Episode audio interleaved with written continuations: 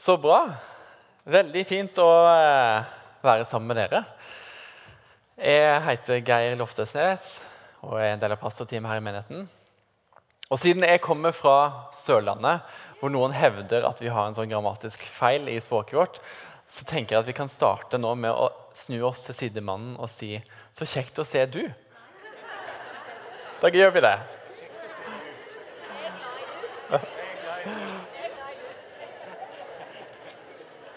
Jeg hører det er noen som nekter, men vi kommer til å liksom, eh, prege forsamlinga mer og mer med denne her eh, såkalte språkfeilen. vi, er i eh, en taleserie som heter Kraft. Og det, det liker jeg. Det er en, på mange måter en ventetid fram mot pinse. På samme måte som de første kristne òg var i en ventetid fram mot den første pinsen. Jesus sa sjøl i Apostlenes gjerninger kapittel 1, blir referert til at Jesus sa dette her, at dere skal ikke forlate Jerusalem, men vente på det som far har lova, det som dere har hørt av meg. Og dere skal få kraft idet Den hellige ånd kommer over dere. Det er så bra utgangspunkt, altså.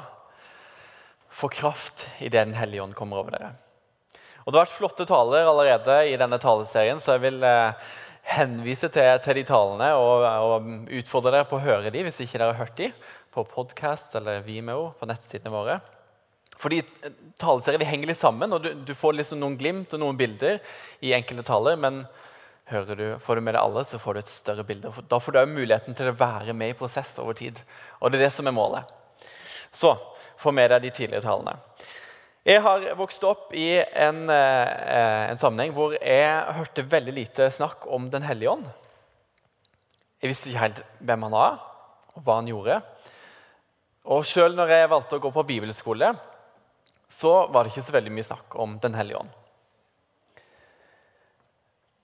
Og så Når jeg ser tilbake eh, i livet Høres ut som jeg var sånn 70 år gammel. Men det korte livet mitt så langt, når jeg ser tilbake på det, så ser jeg at eh, det har vært faser i mitt liv hvor jeg har blitt, blitt kjent med ulike sider av treenigheten. Vi tror jo på at eh, Gud er én, og samtidig så er han tre. Det er én Gud, men det er jeg, tre sider av samme mynt. Eller et eller annet. Det er en veldig spesiell mynt. Jeg vet ikke om dere har møtt den før, men den er veldig spesiell.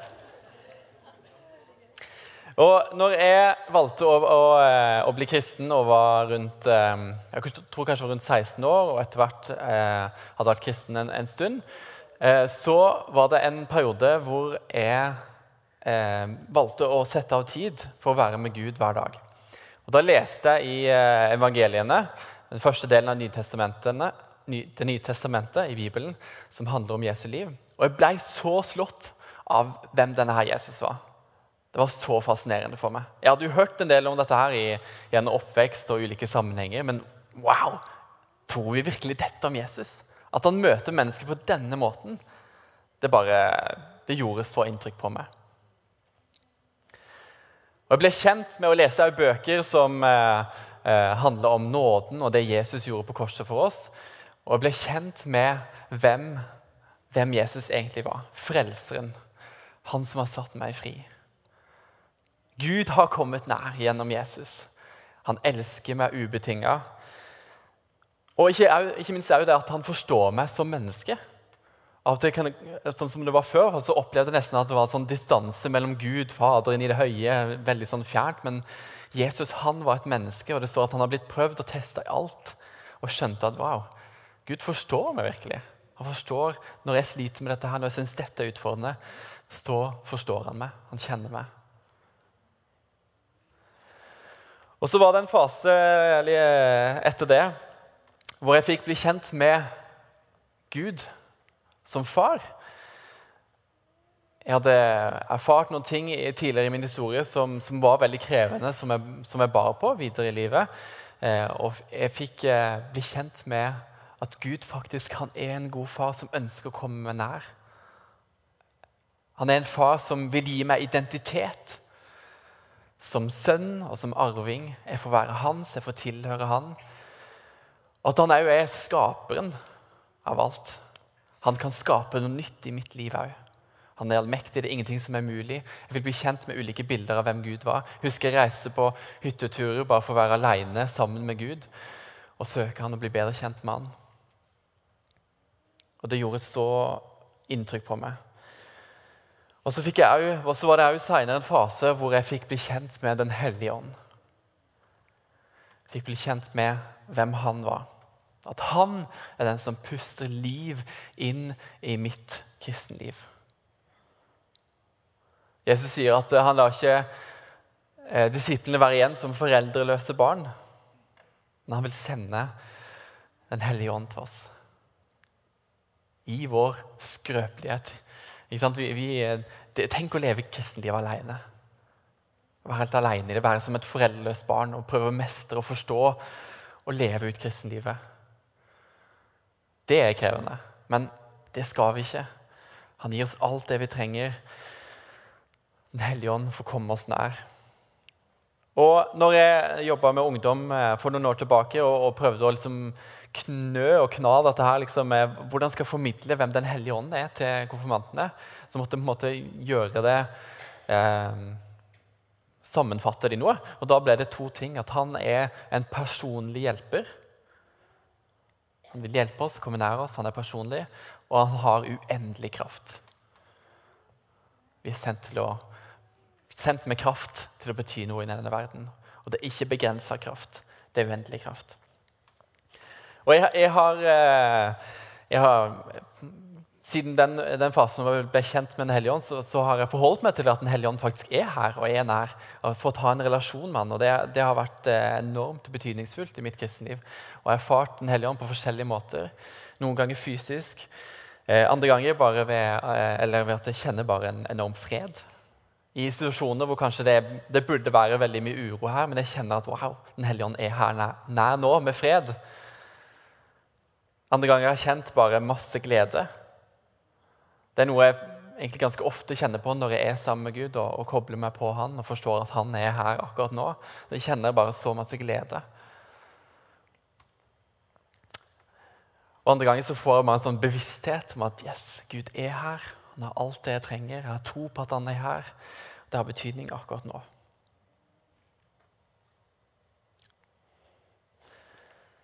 Og selvfølgelig har jo Gud, Faderen, Jesus og Den hellige ånd alltid vært nær og til stede i mitt kristenliv. Men det handler om mitt perspektiv, at jeg hadde faser hvor jeg gjennom, eller hvorfor jeg blir kjent med de ulike sidene av hvem Gud var, gjennom treenigheten. Og det er en grunn til at de er tre. Og vi trenger å kjenne alle tre i treenigheten.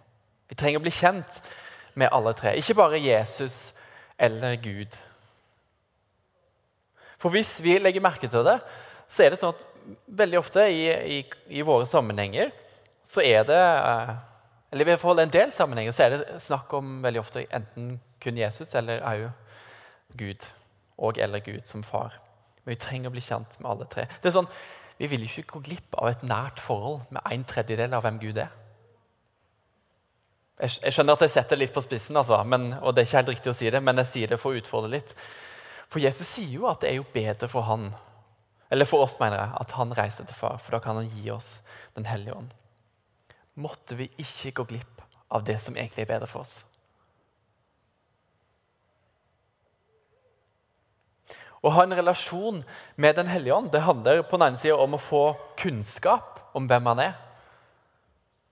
Vite og forstå mer om hvem han er. For det, gir tillit til han, og det hjelper oss å forstå hvem Den hellige ånd er, og hva han ønsker å gjøre. Som igjen skaper tro i oss.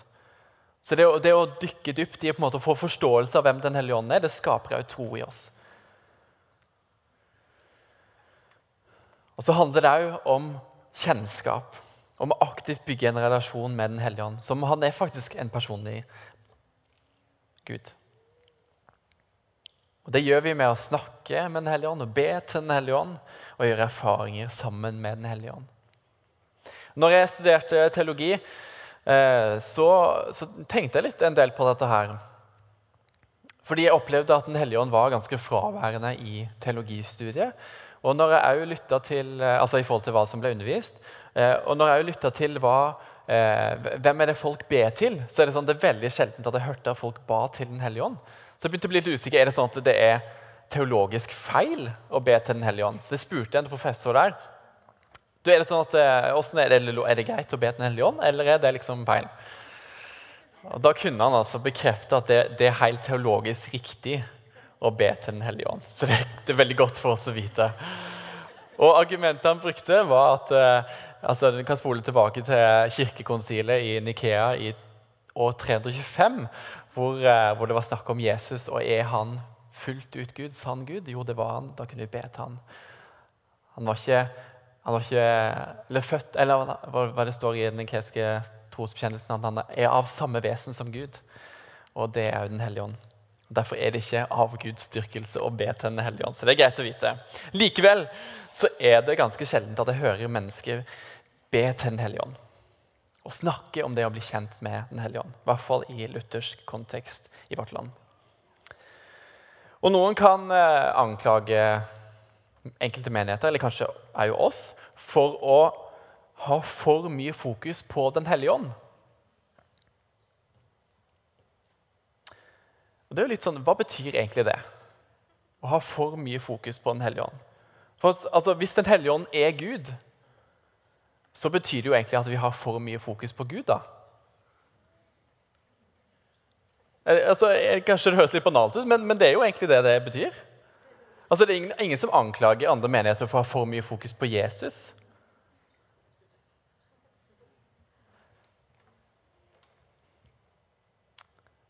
Hvis, altså Den hellige ånd er jo like mye Gud som det Jesus er. Og så skjønner ja, Det kan godt være at det, noe form for teori og praksis rundt, rundt Den hellige ånd er prega av oss mennesker, og ikke alt av det er sunt osv. Eh, men fylden av Den hellige ånd, det er Gud. Og alt med Den hellige ånd er sannhet. Alt med Den hellige ånd er godt. Det kommer fra Gud. Så vi, hvis vi gir rom for Den hellige ånd, så gir vi også rom for Gud. Og hva er det da vi frykter? Og Det tar meg litt til eh, en historie fra Nytestamentet. Eh, på Matteus 14. Og det er en veldig kjent historie. Eh, Jesus eh, har gjort eh, forskjellige ting. Han har metta flere tusen med, med, mat, og sånne ting, og så trekker han seg unna for å være med sin far. Og Så går disiplene de går i båten og drar i forveien til den andre sida av vannet. Og når fjellen kom Nei, fjellen kom, ja. Jeg leste akkurat at den reiste opp i fjellet. Men da kvelden kom, så var han der alene, altså Jesus. Og Båten var allerede langt fra land, og den kjempa seg fram i bølgene, for det var motvind. Se for deg dette her. Men i den fjerde nattevakt så kom han til dem gående på sjøen. Og så står det så her Da disiplene fikk se ham der han gikk på vannet, så ble de skrekkslagne. Det er et gjenferd, sa de, og skrek av angst. Men i det samme så sa så talte Jesus til dem og sa, 'Vær med godt mot, det er jeg, vær ikke redde.' Og Så kjenner vi historien derfra, at Peter ønsker å komme ut på vannet og gå på vannet. og Så får han gjøre det, og så begynner han å tvile og fokusere rundt på det, og så begynner han å synke, og så får han grep på hånda til Jesus, som drar han opp. Og så står det etter hvert Så steg de opp i båten, og vinden stilna. Men de som var i båten, tilba ham og sa, 'Du er i sannhet Guds sønn'. Hva skjer med oss når eh, Gud vil vise oss nye og kanskje ukjente sider av hvem han er? Er det sånn at vi kjenner denne frykten og skriker av angst? Det kan godt være, og det er helt lov. det er rom for det. Men spørsmålet hva gjør vi med denne frykten da? Det handler jo veldig mye om egentlig, hvilke gudsbilder vi har. Hvilke bilder er det vi har av Gud? For eksempel, hvis, hvis Gud kommer inn i dette rommet nå, hva tenker vi skjer da for noe? Hvilke bilder har vi av Gud, hvem han er, og hva han gjør da? Eller hvis Jesus kommer gående inn her nå, i dette rommet, hva tenker vi da kommer til å skje? En kjempespennende tankeeksperiment. Men ok, hva, hva hvis Den hellige ånd kommer her, da? Hva tenker vi skjer da? Hvilket Den hellige ånds-bilde er det vi har? Hvilket bilde er det vi har av Den hellige ånd? Måtte vi ikke være så prega av frykt, sånn at det hindrer oss i å ta imot det han vil gi oss.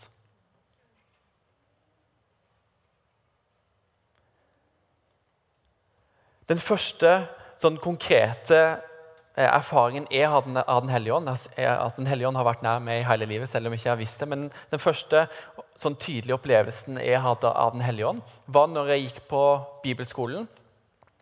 Og dere har hørt at Det var ikke så, så mye snakk om Den hellige ånd der. Um, jeg gikk ikke på Akta bibelskole. Um, men en veldig, veldig flott bibelskole som har som mye i mitt liv. Men uh, jeg, uh, da var det sånn at jeg hadde gått en prosess sammen med Gud over lang tid. Og hadde kommet til det punktet hvor jeg bare sa til Gud vet du hva, jeg gir deg alt. Jeg vil gi alt i livet mitt. Og det var flere dager hvor jeg bare gikk og snakka med Gud kontinuerlig. Altså, jeg, jeg, vil bare, jeg, vil bare, gjøre din vilje. Jeg vil, bare, jeg vil at du skal ha ære i mitt liv. Det var en sånn overgivelsesprosess over flere dager. Og Så kom det til et punkt hvor vi var samla en gjeng på et uh, type bønnemøte. og Der folda vi hendene og bøyde hodet og sånne ting. Og så helt uten noen, noe forvarsel så bare skjer det plutselig en hellig ånd slår ned i meg i kroppen. Og Det kommer sånn en bølge som skyller gjennom kroppen Eh, en helt spesiell måte. Jeg, jeg, hadde ikke hørt snakk om at det kunne skje. Jeg, jeg ba ikke om det, men det skjedde. og Det, det var sikkert som en del av, av det, den, eh, den vandringa jeg gikk sammen med Gud. Og Min respons er at jeg blir nesten litt sånn redd. På den ene sida syns jeg det er så spennende og så, eh, så, takknemlig for å få den erfaringen sammen med Gud. Men jeg, jeg blir redd, så jeg, jeg, springer ut i skogen og sier bare Gud, du, nei, hva er det som skjer nå? Liksom, du må bare ta vekk dette her. liksom, ja, bla, bla. Fordi jeg hadde ikke, hadde ikke bilder av hvem, Den hellige ånd kunne være, og hvordan han kunne gripe inn i mitt liv. Og så tenker jeg at jeg er så takknemlig for det, og Gud gjorde noe da. Og, så og samtidig så tenker jeg jeg skulle ønske at jeg visste nok om hvem Den hellige ånd var, på det tidspunktet, sånn at jeg kunne handle annerledes. Og Istedenfor å fokusere på frykten og alt det skremmende, skulle jeg ønske jeg kunne bare være til stede i det, sammen med Gud og ta imot akkurat det han gjorde da.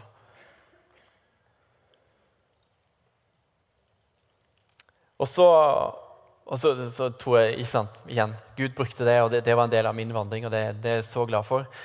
Eh, så jeg vil ikke problematisere det. Men igjen måtte ikke frykten hindre oss i å ta imot det Gud vil gi oss.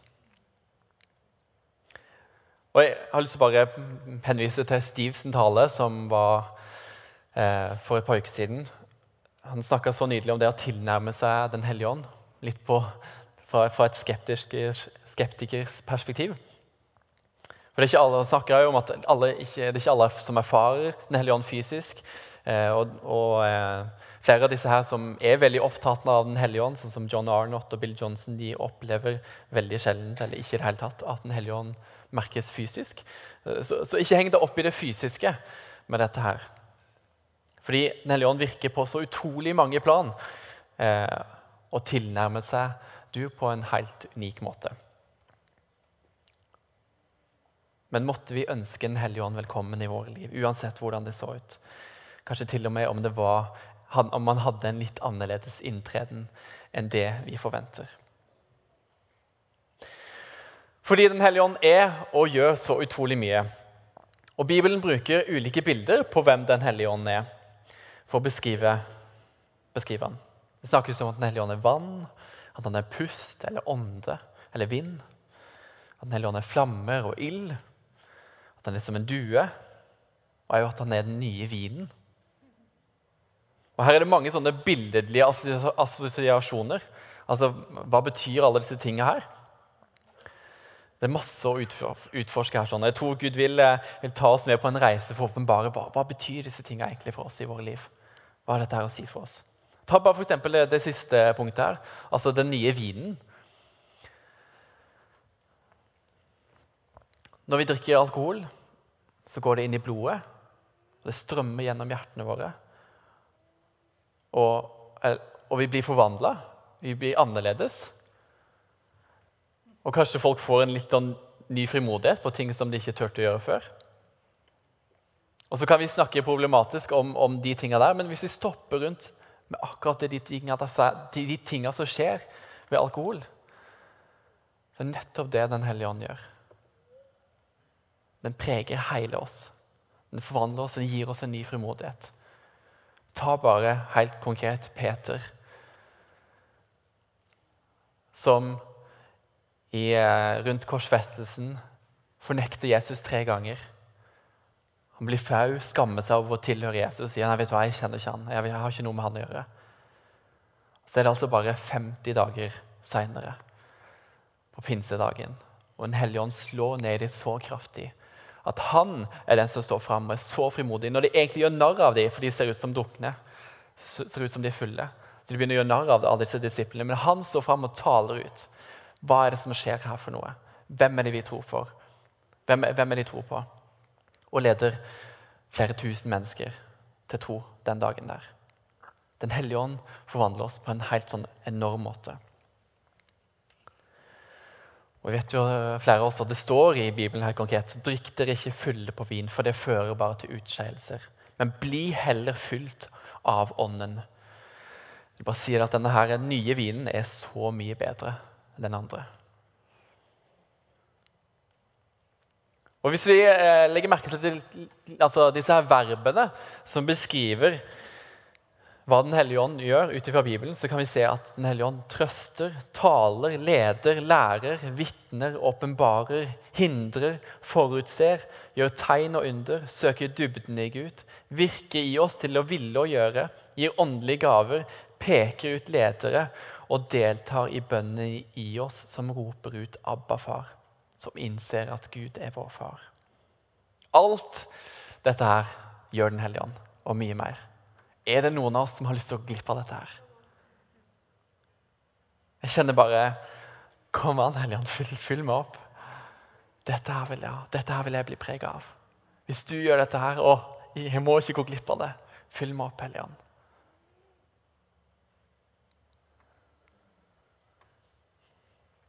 Og det er en, det er en spennende eh, dynamikk for oss kristne i forhold til eh, Den hellige ånd. fordi på en måte så har vi alle fått Den hellige ånd.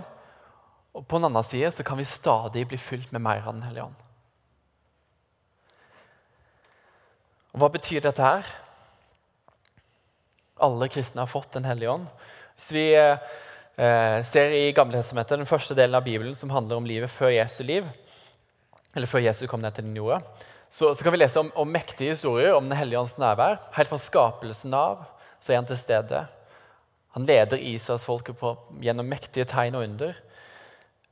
Og ledere og profeter og dommere blir salva med Den hellige ånd til å lede. Og så er det, er det på et, jeg har lyst til å stoppe opp med noe spesielt. Det er på et tidspunkt at israelsfolket, Guds folk, ønsker å bygge et tempel hvor Gud kan bo for alltid. Et sted hvor Guds ånd kan bo for alltid. Og De får konkrete instrukser fra Gud om hvordan dette her skal bygges.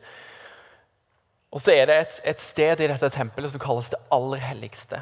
Som er et avgrensa område hvor det er et tjukt forheng som dekker dette her, som skiller dette her fra det hellige.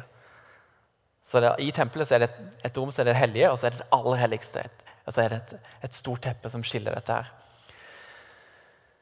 Og dette her er 10, meter, 10 ganger 15 meter. Det, det, er vevd med ull og eh, type eh, ja, Forskjellige ting som gjør at det er eh, flere centimeter tjukt.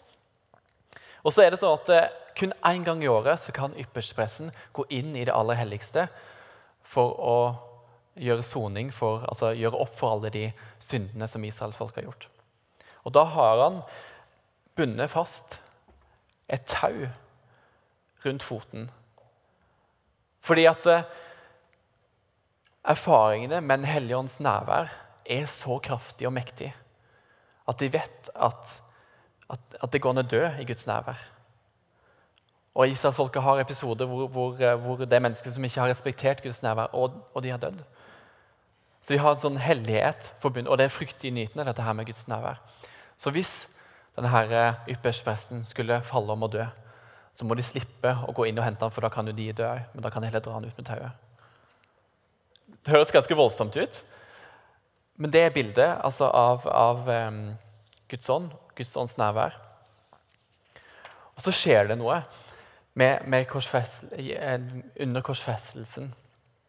Akkurat idet Jesus dør for våre synder på korset. Og han dør for alt det gale vi har gjort, som hindrer oss i å være nær Gud. Så revner dette forhenget i tempelet. Fra toppen og ned, står det i Bibelen. Akkurat idet Jesus dør, så revner dette tjukke forhenget. Det er et under, det er et mirakel. Helt umulig for oss mennesker å gjøre. Og det er ingen som ville gjøre det, fordi det, var forbundet med så mye frykt. Hva betyr egentlig dette her? At det skjedde? I Gamle Testamentet så leser vi om profeter som hørte Guds stemme for framtida. Og i Joel så leser vi om at en gang så skal det skje altså han, han opplever at Gud sier at en gang skal det skje at Guds ånd skal øses utover alle mennesker. Unge som gamle, menn som kvinner. Ledere som slaver. Og I Nytestamentet så forbereder også Jesus disiplene sine med flere anledninger på at dette skal komme til å skje. Det kommer en tid hvor dette her skjer. Og mer og mer når det nærmer seg døden og oppstandelsen hans, så, så sier han dette her. Og etterpå han har stått opp, så er det stedet hvor han puster på disiplene og sier 'ta imot Den hellige ånd'. Han ber de vente som vi har hørt, i Jerusalem på at de skal få kraft ifra det høye. Løftene, kommer et tidspunkt hvor løftene skal innfris. Og som vi har hørt flere ganger før, pinsedag så skjer det utrolige. En synliggjøring av Guds ånd som griper inn i de troende, disiple, de troende disiplene. Får de til å tale forskjellige språk som de aldri har lært. De får overnaturlig andre språk som de kan forkynne sannheten om hvem Gud er. Det skjer ytre tegn som, som ildtunge som deler seg og setter seg på hodene til apostlene. Og, og bakken skjelver, og flere tusen som sagt kommer til tro. Så leser vi senere i Nytestamentet, i 1. Korinterne 6, Vet dere ikke at kroppen deres er et tempel for Den hellige ånd som bor i dere, og som er fra Gud? Dere tilhører ikke lenger dere sjøl. Dere er kjøpt og prisen betalt. Hørte dere hva vi leste? Åndens nærvær fra det, fra det aller helligste i tempelet er gjennom Jesu død oppstandelse blitt gjort tilgjengelig for oss alle. Og det er ikke bare sånn at vi nå har, på en måte har forhenget revna, og nå er det mulig å komme inn. Men det nærværet har tatt bolig i oss. Vi har blitt et tempel. Vi har blitt nå det tempelet hvor det aller helligste og Guds nærvær var. Vi troende har blitt det tempelet. Altså, Hører dere hvor, hvor utrolig dette her er? Jeg syns det er helt enormt. Så nå får vi være det tempelet og bære det Guds nærværet ut i denne verden. Der hvor vi går, der er Guds tempel. Der er Den hellige ånd. Jeg tror ikke at noen i gammeltestamentlig tid kunne i sin villeste fantasi at, for, forstå at dette kom til å skje. At det kom til å skje på den måten her. For det er så mind-blowing. Og Vi mottar alle Den hellige ånd ved tro på Jesus. Det står i Efeseren 1. I ham kom dere til tro skal vi se, I ham kom også dere til tro da dere hørte sannhetens ord, evangeliet om deres frelse. Og i ham ble dere merket med seilet, Den hellige ånd som var lovet oss, Han som er pantet på vår arv. Inntil Guds eget folk blir satt fri til lov og pris for Hans herlighet. Alle som har kommet til tro på Jesus, har fått den hellige ånd som en løfte om den tiden som skal komme en gang. Og det er ikke forskjell på oss. Kan vi lese i 1. Korinterne 12. For med én ånd så ble alle døpt til å være én kropp, enten vi er jøder eller grekere, slaver eller fri. Og alle fikk vi én ånd å drikke. Det er ingen A-utgave eller B-utgave blant kristne når det gjelder Den hellige ånd. Og igjen, Uavhengig om du måtte kjenne noe fysisk, det har ingenting å si. Og, og Kanskje noen syns det er vanskelig å tro dette, her, mens andre igjen syns det bare er klokkeklart. Så lett å tro på. Uansett hvor vi måtte være. Sannheten er at tror du på Jesus, så har du fått Den hellige ånd. Han har tatt bolig i det. Punktum. Fakta. Og Så står det samtidig i, i Efeserne, som jeg sa, Efeserne 5,18.: Drikk dere ikke fulle på vin, det fører til utskeielser, men bli heller full, fylt av Ånden. Og Som vi kan forstå den gresken som dette her bibelverset ble skrevet på, så er dette her meint som noe pågående. Det er skrevet i presens, altså i nåtid. Så Paulus mente med det han skrev, at vi skal bli fylt av Ånden gang på gang. Hele tida. Det er ikke en engangshendelse. La dere bli fylt av Den hellige ånd gang på gang hele tida. Nå og nå og nå og det neste nå som kommer.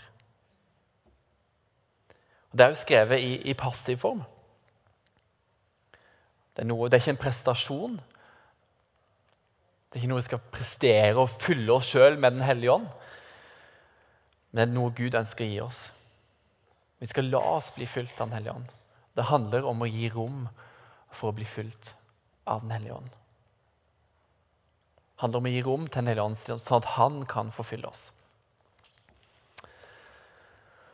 Så hvordan ser dette her ut da, i hverdagen? Gang på gang, stadig vekk, hele tida bli fylt av Ånden. Hvordan ser dette her ut? Vet du, Flere ganger blitt snakka om brother Lawrence fra, fra herfra. Eh, og, og, Vi snakker om han i forskjellige settinger i, i IMI, har jeg hørt. I hvert fall. En utrolig inspirerende person som eh, tror da på 1600-tallet levde i Frankrike. Ikke, han, han, eh, begynte å tro på Gud. Eh, litt sånn, Bare han så våren, så så han at bladene kom på trærne. Og så tenkte han oi, det må finnes en Gud. Eh, og Så oppsøkte han et kloster, men så var han ikke god nok til å komme inn i denne her munkeordenen, så han begynte å tjene på kjøkkenet. Og Så skjønner han at Guds nærvær er jo her. Jeg kan ha en relasjon med Gud her. Så blir han oppmerksom på at Gud er alltid til stede. En sånn kontinuerlig oppmerksomhet og samtale retta mot Gud. At han er her. Tilstedeværelse sammen med Gud. Jeg synes Det er bare så utrolig inspirerende. Jeg kjenner jeg lengter så mye etter det i mitt eget liv. At jeg hele tida bare Jeg vet at Gud er her. Jeg kan snakke med han hele tida, i alt det som skjer. Mens jeg tjener, og mens jeg gjør noe godt mot andre. Når jeg snakker med folk, når jeg er aleine, hva det måtte være.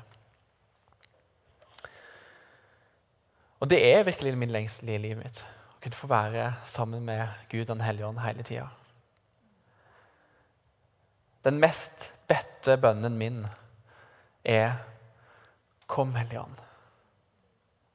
Det ber jeg mange ganger daglig. Kom, Hellige Ånd. Og Noen ganger så stopper jeg opp og tenker ja, vet du hva, yes, du er jo her. Jeg vet at du er her. Uansett om jeg kjenner noe eller ikke. Takk for at du er her, Elion. Takk for at du er her. Og det er, ikke, det er ikke mer enn det som skal til for at jeg kobler med Gud og vet at han er her. Den bønnen her. Og det gjelder for oss alle. Kom, Elion, og takk for at du er her, Leon. Så kan vi òg gi rom for, å vente litt på Den hellige ånd. Kona mi har snakka om, om, å ta sånne femminutters ferier i løpet av hverdagen. Sette av fem minutter rydde litt tid og bare vente på Den hellige ånd, være stille og være sammen med Gud. Kanskje vi trenger hjelp til å av og til koble bort eh, mobil og eh, underholdning og hva det måtte være. For bare, vet du hva, det viktigste jeg gjør nå, er egentlig å vente på Du hellige. Det er egentlig det jeg trenger. Det har jeg merka av og til, at jeg kan bli trøtt, og sånne ting, og så det, begynner jeg å kikke på mobil eller TV, eller hva det måtte være, og så er det, er det egentlig ikke det jeg trenger. Det trenger jeg å få ny kraft. Jeg synes for øvrig at den nye oppdateringa til Apple med skjermtid er helt genialt for de som oppdager det. At du kan liksom låse velge hvilke apper du vil låse til ulike tidspunkt. Så det er liksom eh, noen ting som hjelper meg bare for å sette av fokus til Gud. Um, og jeg, jeg, er så heldig å ha fri på mandager som regel. Og det er en så velsignelse for meg. Og for, for, meg er det blitt så viktig å bare rydde tid den dagen til å være sammen med Gud. Og jeg er blitt sånn avhengig av det. Når jeg merker at hvis det går mer enn én en uke, hvis det er et eller annet som skjer som gjør at jeg ikke kan ha den uh, fridagen, eller andre ting, så, så, er det sånn at jeg, jeg, blir mer og mer desperat for å rydde tid for å være sammen med Gud. For jeg trenger det. Håper Jeg, selv om jeg jobber i en kirke, så trenger jeg det. Og da kan jeg tenke at da trenger i hvert fall dere det.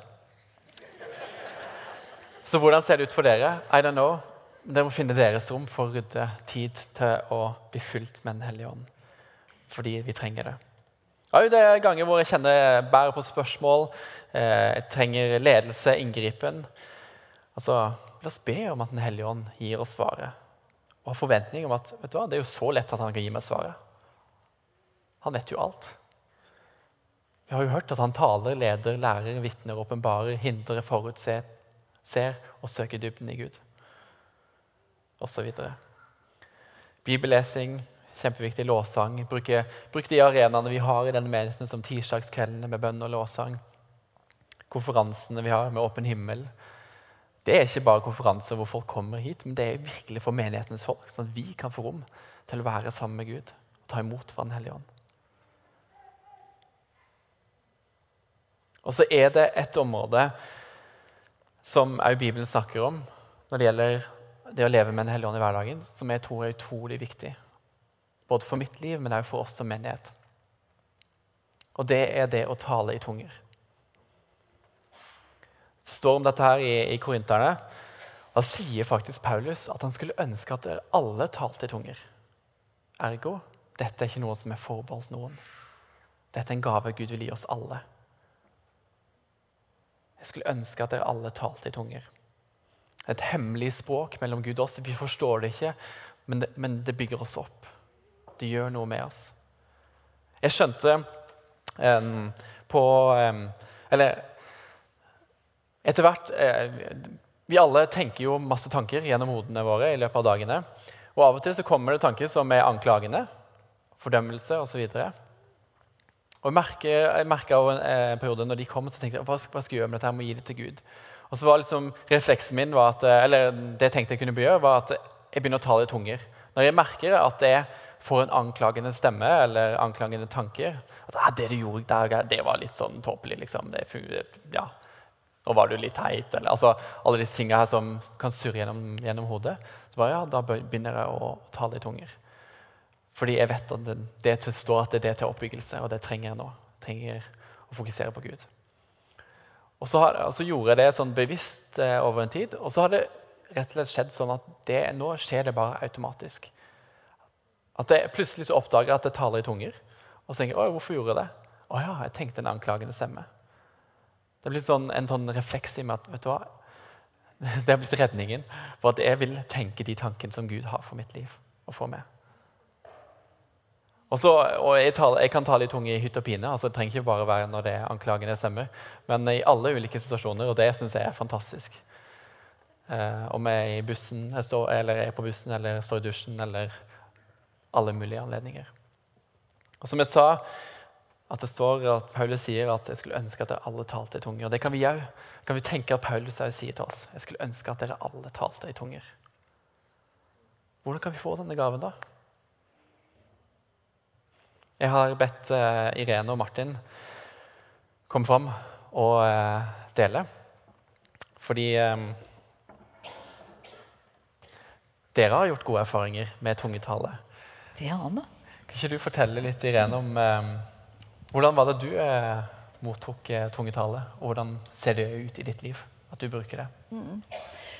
Da vil jeg bare ta dere litt tilbake. Dette er på 70-tallet.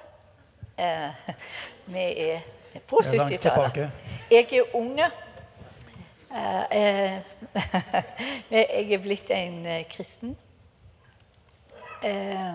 har fått Den hellige ånds gave i dåpen. Eh, men så begynner noen venner av meg å si ah, du skulle vært med oss opp til pinsevennene. Ja, sier jeg, det kan jeg jo godt. Naiv som jeg var. Og, naiv som jeg var. Jeg var ikke forberedt, hadde ingen erfaring. Går inn på det rommet, og alle der taler høyt i tunger. Jeg får panikk. Jeg gjør akkurat som disiplene som han viste, blir livredde og stikker ut. Og så trykker jeg bare det ned.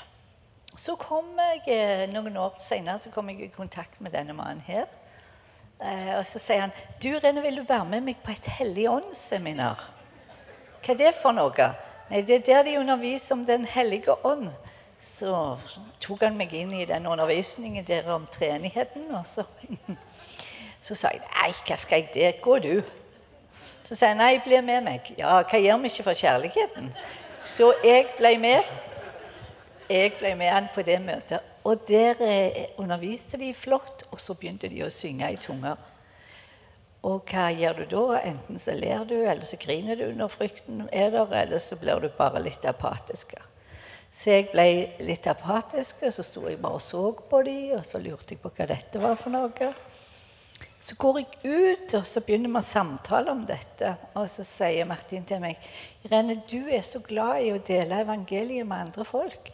Vet du det, Hvis du blir fulgt av Den hellige ånd, så vil du gjøre det på en mye bedre og tryggere og kraftfullere måte. For det er Han som vil at Den hellige ånd som vil at andre skal tilhøre Jesus. Å jammen heller, sa jeg. Jeg går inn igjen. Jeg gikk inn. Og så sa jeg til Harald Gaard, som var prest og hadde undervist om dette, dette er jeg livredd Men jeg skjønner at dette vil hjelpe meg til både å se Jesus mer og til å dele med evangeliet med andre. Så vil du be for meg? Og jeg så det lune smilet i fjeset hans, og han sa ja, bare sett deg. Så sa han, Kom, Hellige Ånd, og fyll meg med din kraft.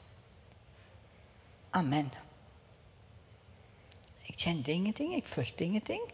Men han hadde bedt, og så sa han til meg Det viseste han har sagt. Han sa nå går du hjem og takker Gud for det at du er blitt fylt av Den hellige ånd.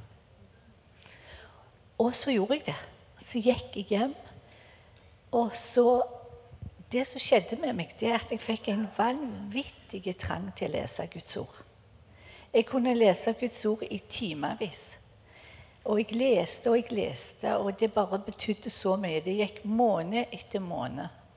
Så en dag jeg satt i senga og leste, så kom det et vanvittig lys som jeg aldri har sett før. Verken før eller siden. Det kom så sterkt. Det lyste opp hele rommet. Og så begynte jeg å be i tunger. Og jeg kunne bare ikke slutte. Jeg ba i tunger. Og så forsvant lyset men tungene var der. Så kom han her på besøk, så sa jeg, sa jeg til han, 'Du, jeg er blitt litt galen.' 'Er du blitt galen?' sa han. 'Hva er det da som har skjedd?' 'Jo, jeg ber i et løyespråk.' Ja, men var det ikke det vi hørte deg sang på på det møtet, da? Nå, du har virkelig fått Den hellige ånd, så det må du bruke den. Og så fant vi skriftsteder som du, Geir, har undervist oss om i dag. Og så er det blitt Den hellige ånd er blitt min nære, gode venn daglig. På alle livets områder så må jeg forholde meg til han gjennom dagen. Han viser meg Jesus. Han viser meg Guds fars hjerte. Og han viser meg ting som jeg ikke har greie på sjøl. Jeg opplever det når jeg skal be.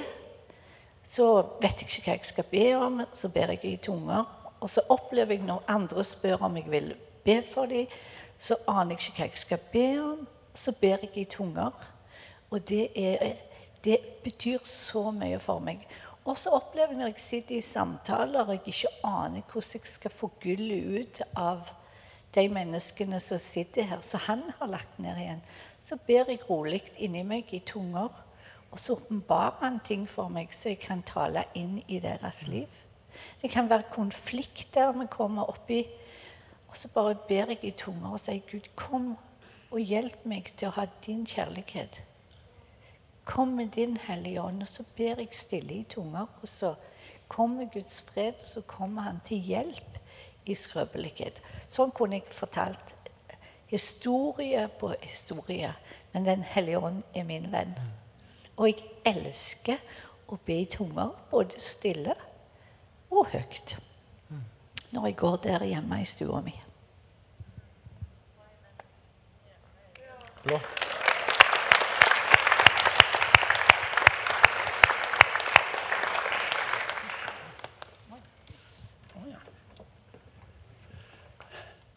Um, fantastisk. Jeg har hatt en helt avgjørende betydning. Jeg har jo levd med den dama i